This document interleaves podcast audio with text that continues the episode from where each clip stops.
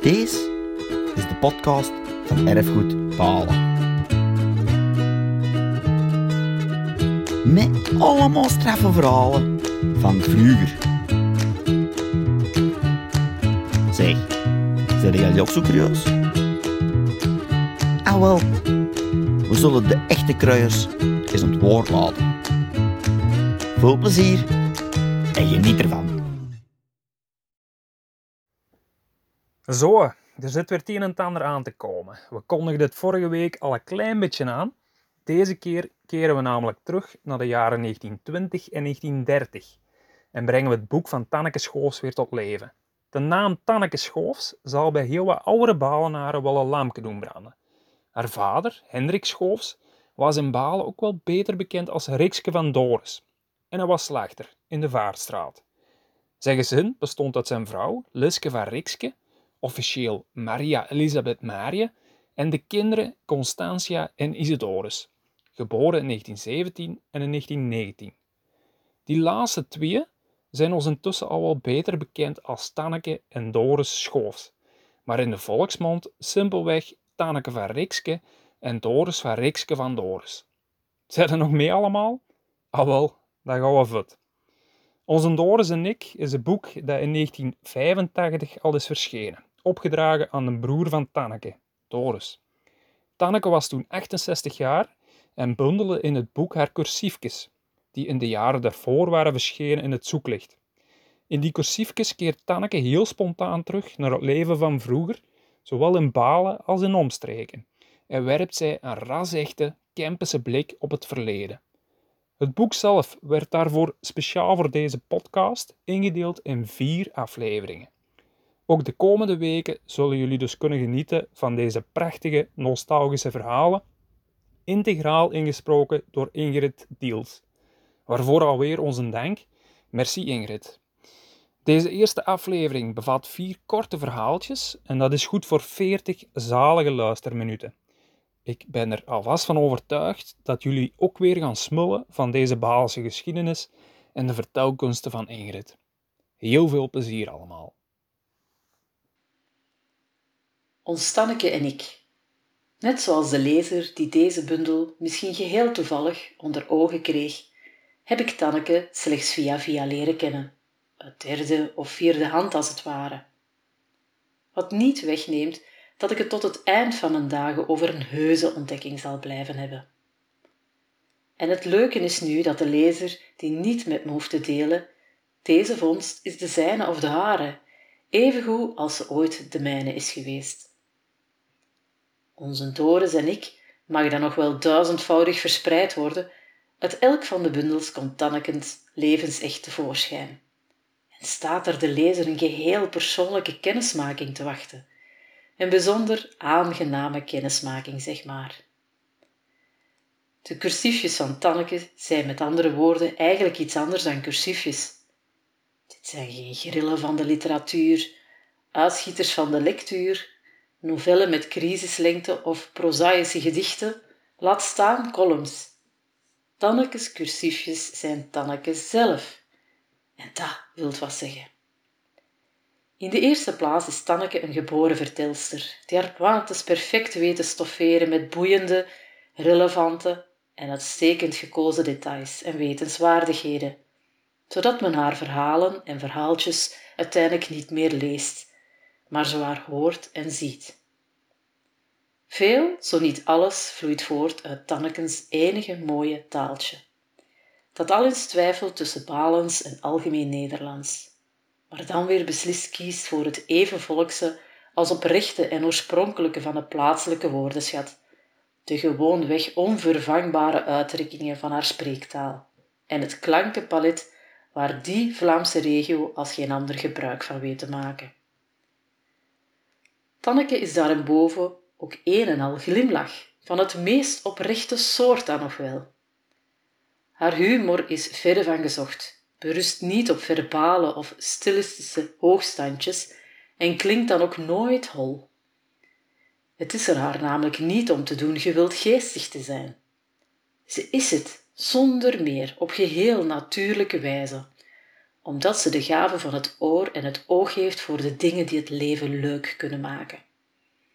Ik weet, er zijn er vandaag velen die het lachen en glimlachen verleerd hebben om dergelijke charmerende en hartsverwarmende observaties eerder dan regelrechte grappen die dan niet zelden beantwoorden aan omschrijving. Humor is op zijn kop gezet verdriet. Het is zelfs mogelijk dat het lieve, het menselijke en het soms onroerend eerlijke van Tannekes humor in deze harde, steeds onmenselijkere en brutale wereld geïnterpreteerd worden als naïef en achterhaald. Oorlogen, aanslagen, terrorisme, zinloos geweld, bloedbaden en vooral de harteloze, droge informatie en commentaar erover hebben een onweerlegbaar afstompend effect gehad op ons, 20ste eeuwer.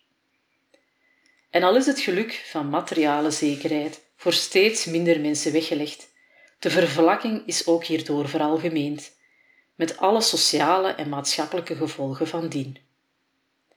Voeg daar tenslotte de structuren en de verplichtingen bij die eigen zijn aan deze tijd, het automatiseren, uniformiseren en wat al niet meer, en er blijft nog nauwelijks gevoel voor eenvoudige emoties over. Laat staan voor de nuances daarvan. Tanneke slaagt er echter in dat alles weer wakker te roepen. Ze heeft het over die andere twintigste eeuw en de mensen van toen, in die paar Kempische dorpjes, lang voor enkele ervan zelfs maar de ambities koesterden ooit tot een stad uit te groeien. Wat dan weer niet betekent dat er close-ups, momentopnamen en portretten niet verder zouden reiken dan Balen en omgeving in de twintiger en dertiger jaren. De feiten, toestanden en personen uit Tannekes directe omgeving zijn immers slechts de kapstok waaraan zij een complete wereld, een diepere inhoud en een tijdloze kijk ophangt. Vanuit de wijze visie van een ware levenskunstenares gevoelig, neergeschreven met het onvermoed talent van een geboren schrijfster, die helemaal niks wil opdringen aan anderen. Ja, die zo bescheiden blijkt dat deze bundel haar bijna afgedwongen diende te worden. Dankzij het zoeklicht die haar eerst ontdekte en haar vriendin Annie Schuddel, die enkele afleveringen uit het Moolse informatie- en publiciteitsblad aan ons toespeelde, kwam het er uiteindelijk dan toch van. Aan de lezer nu om uit te maken hoe terecht dat het wel was. Aan ons Tanneke en u dus. En onze moeder, de Heilige Kerk. Onze moeder, de Heilige Kerk, was, evenals onze lijfelijke moeder, constant in onze jonge levens present. Deze beide moeders hadden volgens hun eigen zeggen althans enkele ons heil en welzijn voor ogen, wat zich helaas voor ons kinderen vooral uitende in een groeiend aantal verboden van precies die dingen die ons toch zo oneindig aanlokkelijk en plezant toeschenen. En vreesden wij onze aardse moeder in het bijzonder voor de straffen waarmede zij onze mistrappen trachtte te beteugelen en af te leren. Het was zeker voor onze moeder de heilige kerk dat wij het meeste ontzag koesterden. Met de teugenieterijen die wij voor de bij ons inwonende moeder konden verborgen houden, hadden wij niet het minste probleem. Maar het waren deze die onze moeder met een hoofdletter zonde noemde, die ons het meest chagrijn en kopbreksel bezorgden. Zegde ze immers niet in de catechismus dat God alles weet. Zelfs, zoals ik dat als pianoerskind altijd las, de gepeinzen van ons hart. Die God stelden wij ons altijd voor, ook wel vanwege de schone tekeningen en andere illustraties in de gewijde boeken, als een overgoede, vergevensgezinde, begrijpende, onmetelijke rijke bompa met een witte baard à la vader Abraham, maar dan die zonder bolhoed. Daar God toch alles wist, vonden we dan ook dat het niet nodig was hem nog iets te zeggen. En daar wij toch nooit echt bij hem op het matje geroepen waren, konden we eigenlijk nogal gerust in hem zijn. Maar er was de kerk, zijn afgevaardigde op aarde, en die scheen niet zo rap content. Zo wij de eeuwige straffen der hel, die wij volgens haar dikwijls dubbel en dik verdiend hadden, wilden ontlopen en wilden wij voor heel de mensheid en vooral voor onze naastbestaanden niet in ons hemd of erger nog in ons blootje komen te staan in dat apocalyptische laatste oordeel, waarvan de schrift zegt, wat zal ik dan, rampzalige, zeggen als ternauwernood de rechtvaardige gerust zal mogen zijn? Dan moesten wij bij haar figuurlijk en letterlijk te biechten komen. Het was dus duizendmaal beter alles in de anonimiteit van een biechtstoel te gaan onthullen. Dat gebeurde dan ook, maar zo geslepen mogelijk. De kop scheef naar beneden, bij voorkeur bij de oudste en meest dove pastoor, achter het purperen doek ter boete en dan nog eens doorheen een zift met zo'n klein mogelijke gaatjes. Er was daarbij ook vooral de angst dat de priester nog bijkomende details zou vragen over de zonde die wij het nooiste biechten. Maar dat maakte ons dan weer vindingrijk. Zo vonden wij het beste deze, zoals alle onaangename dingen, eerst aftaspelen in een bagatelliserend en zo vlug mogelijk tempo.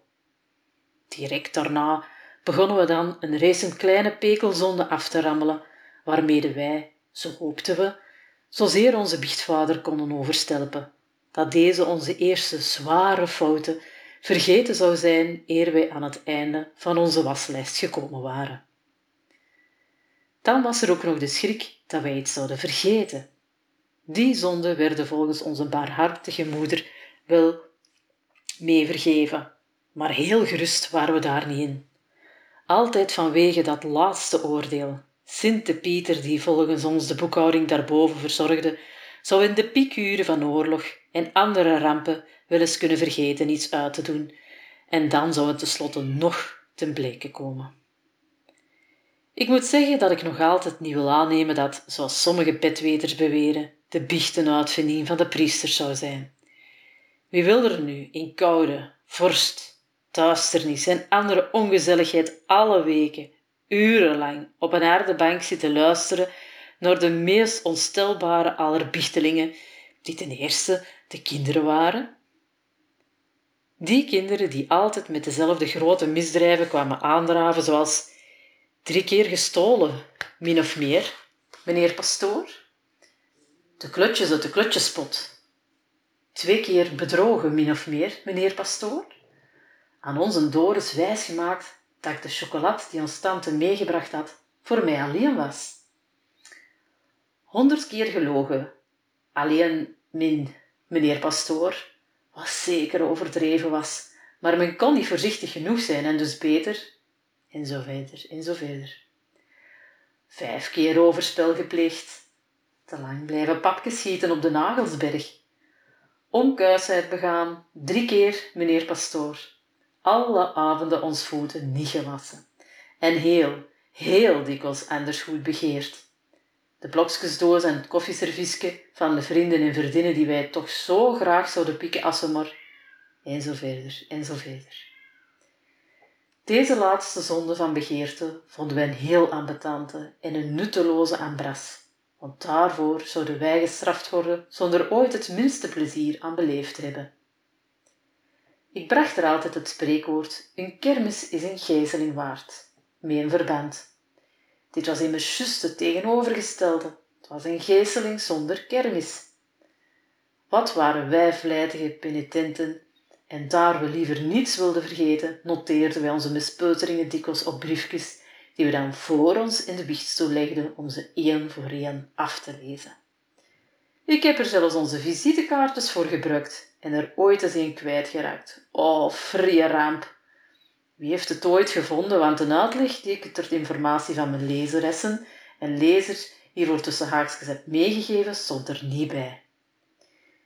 Hoeveel boetelingen die na mij in de biechtstoel knielden, hebben misschien gelezen aan de ene kant Henri Schoofs Maria, met een volledig adres, en aan de andere kant drie keer gestolen, twee keer bedrogen, honderd keer gelogen, en zo verder, en verder. Ik heb dat thuis nooit durven vertellen. En dan was er nog het tweede soort trouwe bichtelingen. De overjaarse, verwisselde vrouwelijke wezen. Waarvan men vertelt dat er de een, maar die geschiedenis kent u misschien wel, kwam biechten dat ze gezondigd had met een man. Waarop de wijze, vergrijze pastoor in septis door de tralies keek en vroeg of dat nu nog in het kort gebeurd was. En als het antwoord kwam aarzelend, ja, al een beetje geleden, maar zeker een understatement was. Waarop de pastoor dan weer, of ze dat vroeger al niet eens gewicht had. Jawel, jawel, meneer pastoor, maar ik klap er nog eens suggereren over.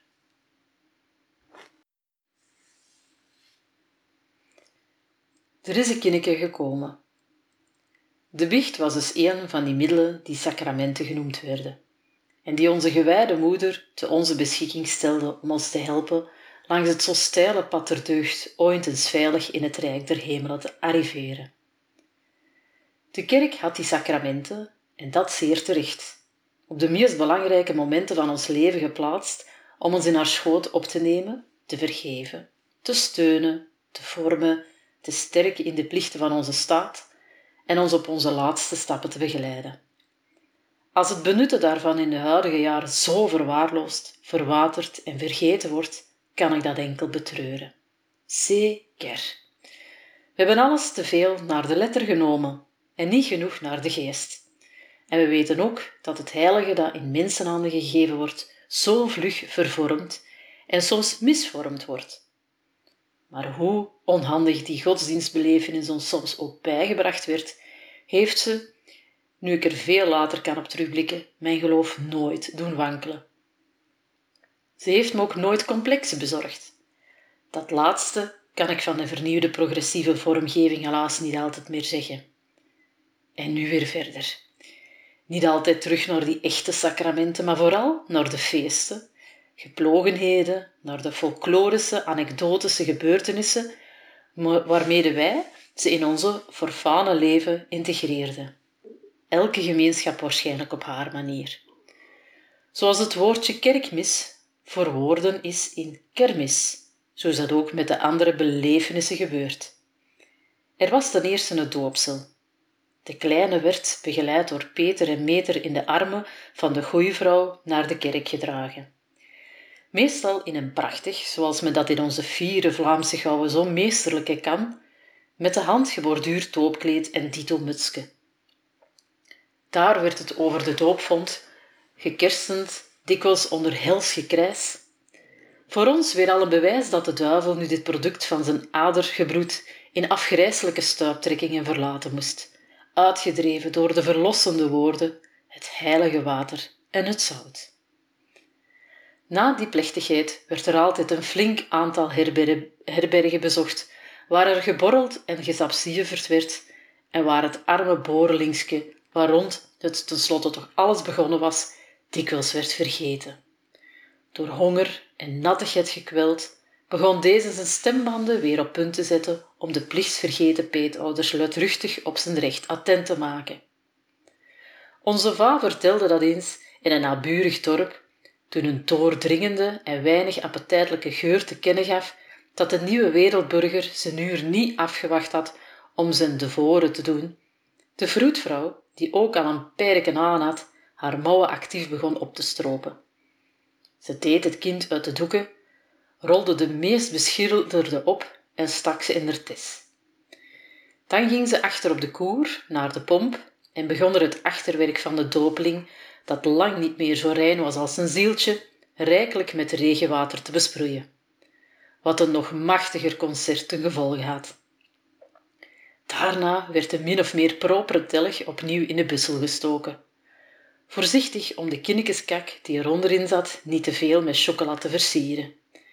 En als het dan laat, soms heel laat werd, en ze het kind eindelijk naar zijn moeder terugbrachten, stilde deze dat wicht liefdevol aan haar weelderige, vrijgevige en overvolle boezem.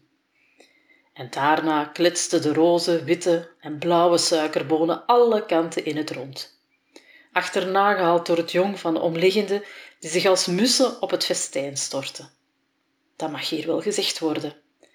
En dan was er koffie en krintemik, en kaas, waarvoor Peter en Meter gezorgd hadden. En de families en de geburen kwamen met bavettekes en lefkes en zokjes aandragen die ze zelf gemaakt hadden. Wat was dat een schoon gebruik? Met hoeveel echte genegenheid was dat kind niet reeds lang voor zijn geboorte verwacht, gekoesterd en bemind door allen die in stille eenvoud met de moeder meegeleefd, gehoopt en soms gevreesd hadden. Ik ook heb als veertienjarige voor een jonge vriendin van ons moeder ooit een fraksje gebreid. Ik wilde haar iets geven, van mezelf, mijn werk, en haar daardoor bewijzen hoezeer ik met haar meeleefde al die maanden tevoren. Ik ging dan ook dikwijls informeren naar de stand van haar toekomstig moederschap, en ik zag haar omvang telkens dermate schrikwekkend toenemen dat de angst mij om het hart sloeg. Zou mijn model wel groot genoeg zijn? Als het kind dat daar tevoorschijn zou navenant geboren werd, moest het daar beslist een soort Olympische gewichtsheffer of tenminste een Hercule van de Sinkse voorhand produceren zijn. Ik zette na elk bezoek een paar steken bij en verlengde en verbreedde de verschillende onderdelen, vooral de mouwen. Ik hield het toekomstig moederke ook zorgvuldig op de hoogte van de evolutie van mijn werk, maar weigerde beslist het haar te tonen voor het volledig af was en ik het in al zijn schoonheid als een niet te evenaren geschenk op haar kraambed zou deponeren, onder de kreten van bewondering van al de aanwezige felicitanten. Toen ik het eindelijk na veel uittrekken en bijbreien af en ineengezet had, met op de witte foon nog schattige roze stippeltjes geborduurd, was het helaas geen jasje meer. Het was een een enorme, vervuilde, verslonste wit-roze pardessus voor een of andere chimpansee.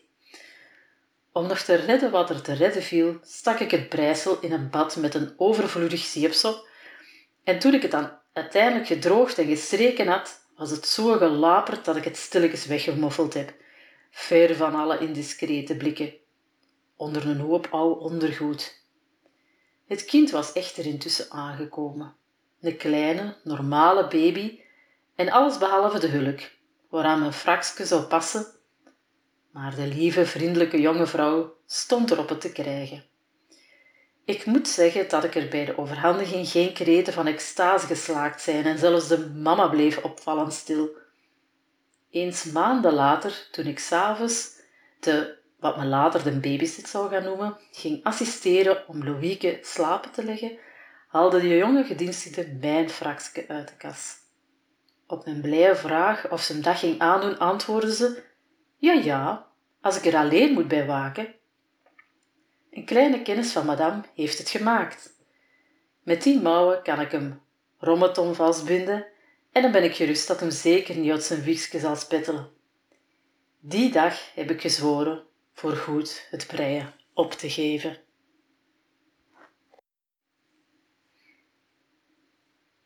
Ons godsdienstig jonge leven. De biecht was dus het tweede sacrament in ons leven. Ik heb er al over geschreven. Ze heeft echter zulk een voorname rol gespeeld in ons bestaan dat ik er nog wat wil over vertellen.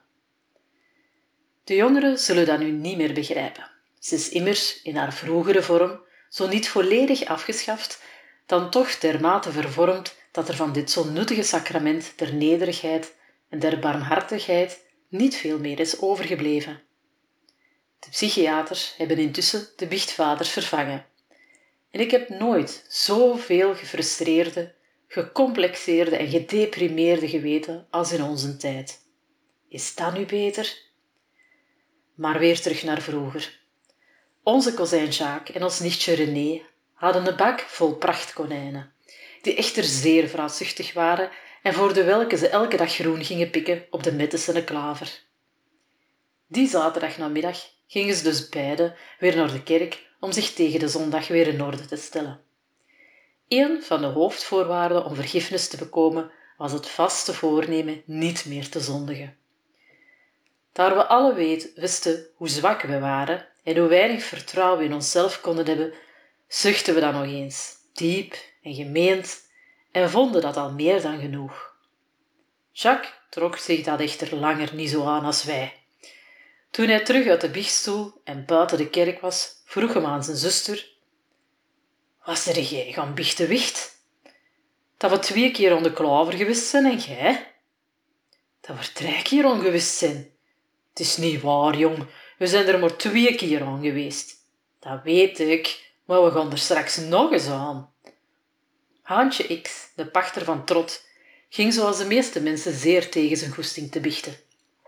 Door angst meer dan de vroeging gekweld, had hem na zware innerlijke strijd dan eindelijk besloten toch maar eens te gaan. Hij deed dat dan ook met de kordate resolutie die lang uitgestelde beslissingen dikwijls kenmerkt. Maar toen hij in de kerk aankwam, zaten er nog enkel een paar klein mannen die vol ijver het opgelegde aantal vaderonzen en weesgegroetjes aan het afwerken waren.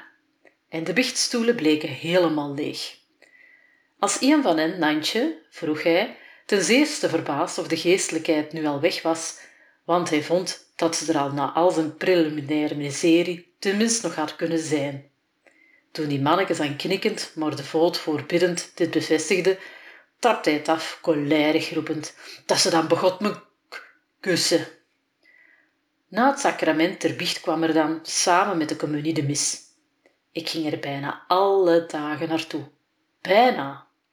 Want ik zal nooit vergeten dat op een maandagmorgen de zuster de klas binnenkwam met een korf vol pistolets. De leerlingen die s'morgens naar de mis geweest waren, kregen er een. En ik was toen natuurlijk juist niet geweest. Nooit hebben broeikes mij zo verleidelijk, zo knapperig en zo vers toegeschenen als die. Alhoewel ze in werkelijkheid dagen oud waren, maar dor, verbrokkeld en lusteloos lagen te liggen. Als de nonnekes dat middel hebben willen gebruiken om ons morgens naar de kerk te krijgen, is dat, wat mij betreft, schitterend gelukt. Ik zat er elke dag weer present. En nu wel op de eerste rij, totdat na vele pistolo pistoleloze weken mijn verdachte ijver terug begon te slabakken.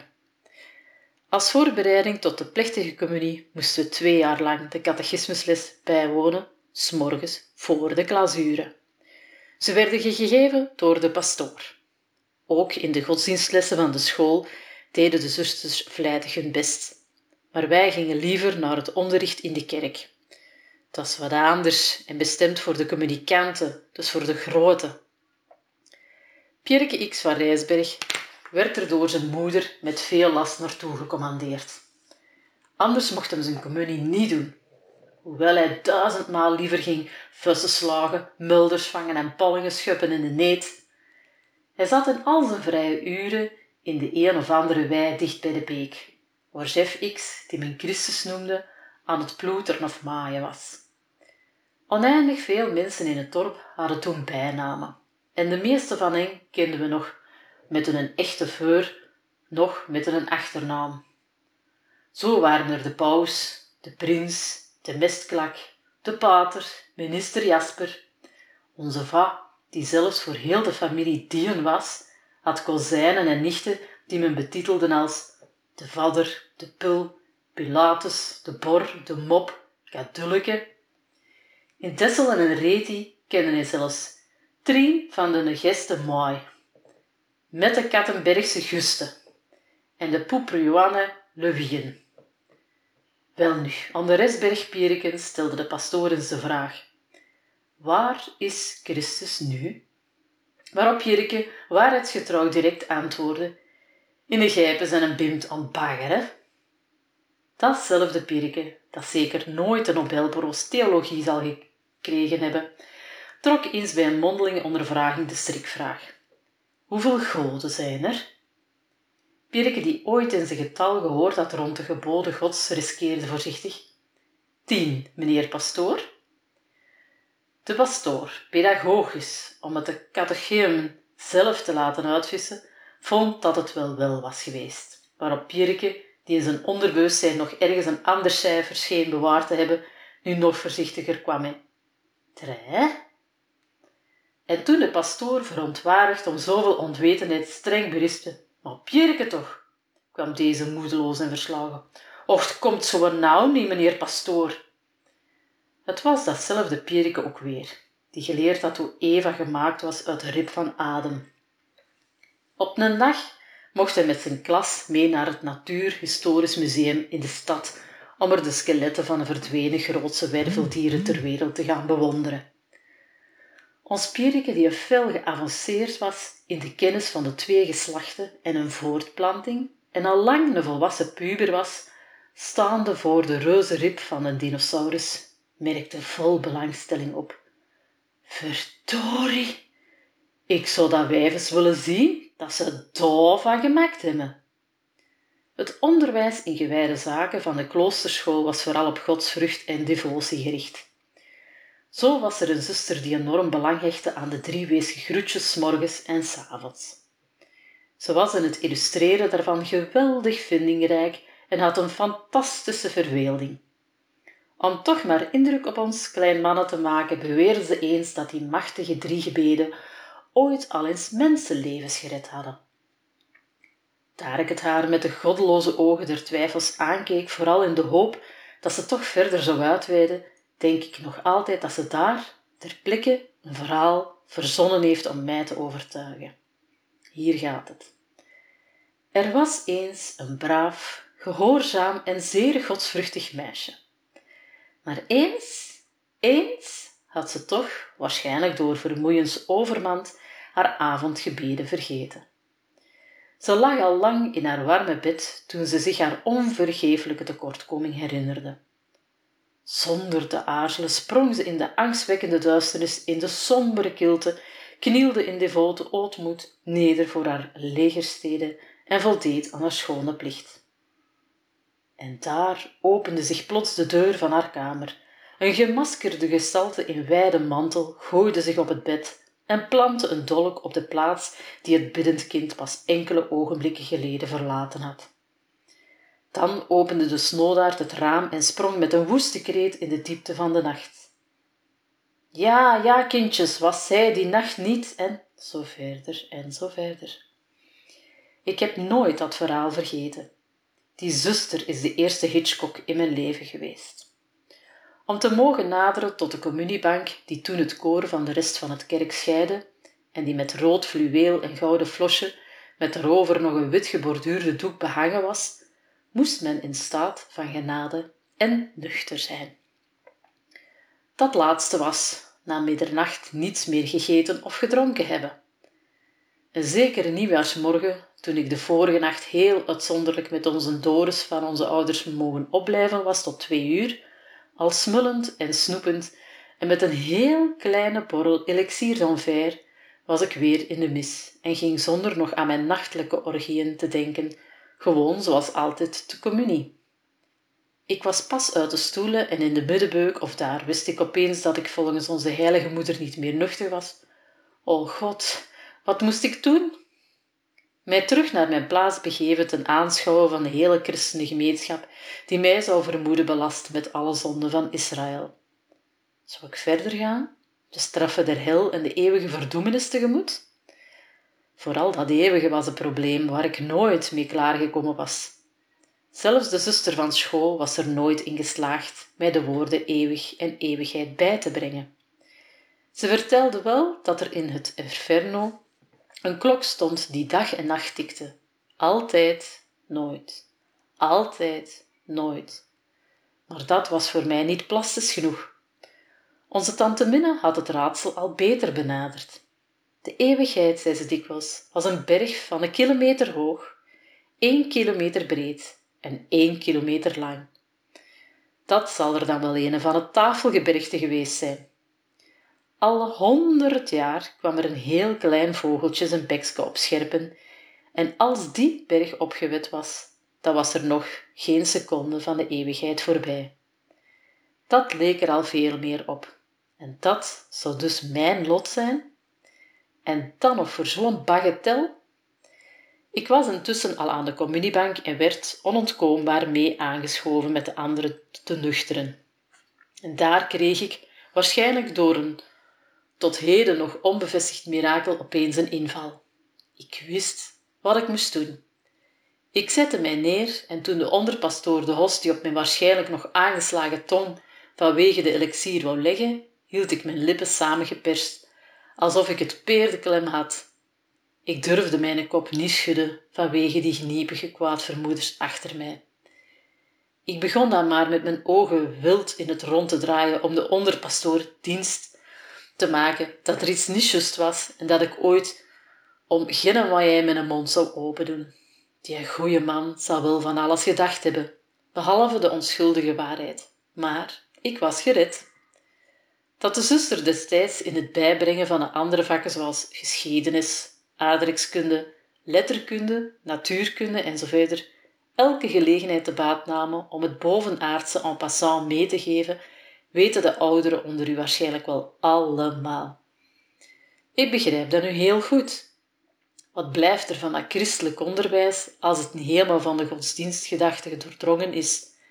Maar er waren wel ferventen die overdreven. De felst geëngageerde sleurde de hemel te pas en te onpas bij. En dat kwam, zelfs bij sommige kinderen, niet altijd even goed over. Zo was daar bijvoorbeeld het tienjarig Soike. Hij was onder de oorlog vanuit de Zeefhoek naar Balen geëvacueerd wegens de vliegende bommen en hij kende God nog gebed.